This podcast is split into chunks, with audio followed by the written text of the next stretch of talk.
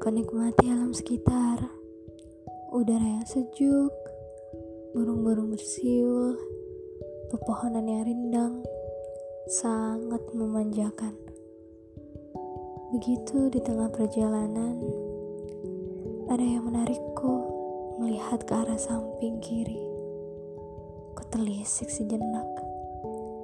Kuperhatikan gadis remaja lusuh berseragam yang sepertinya hendak memulai hari untuk berangkat ke sekolah di waktu cerah itu.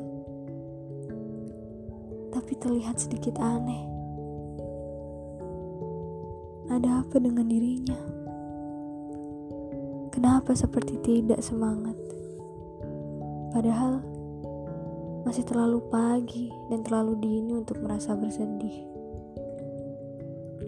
Lalu ku terus perhatikan bahkan kutemani dia sampai pada tujuan. Sesaat sebelum masuk ke pintu gerbang sekolah, seketika itu aku dikejutkan dengan ekspresi wajah yang begitu sumringah. Lalu ku terheran, apa yang membuatnya secepat itu untuk terlihat menarik?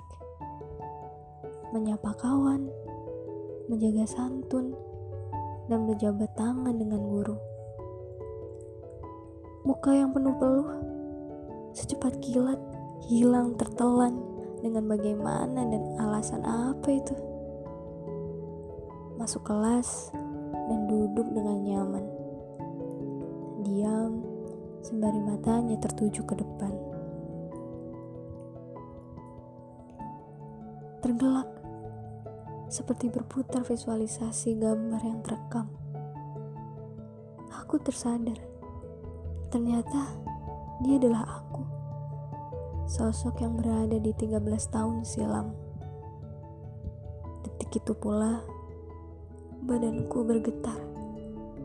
Keringat dingin bercucuran. Entah mengapa yang terjadi dengan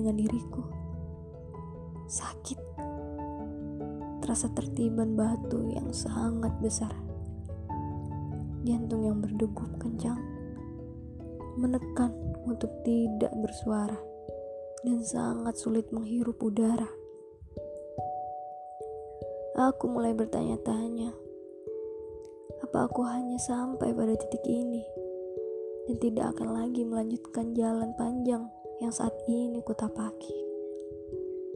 Apa Tuhan akan melarang aku untuk hidup? Atau secepat ini aku akan mati? Tubuhku bahkan lebih letih dari patah hati. Aku sangat membenci. Fisikku terluka. Jiwaku mengambang ke mana-mana. Perpisahan membuat chaos segalanya. Meski tak berangsur lama, saat mulai pulih, Susah payah untuk aku merayakan seni bodoh amat ini. Pikirku ketika enggan peduli, apa mungkin aku akan temukan ketenangan lagi? Bisa jadi lain hari atau esok pagi.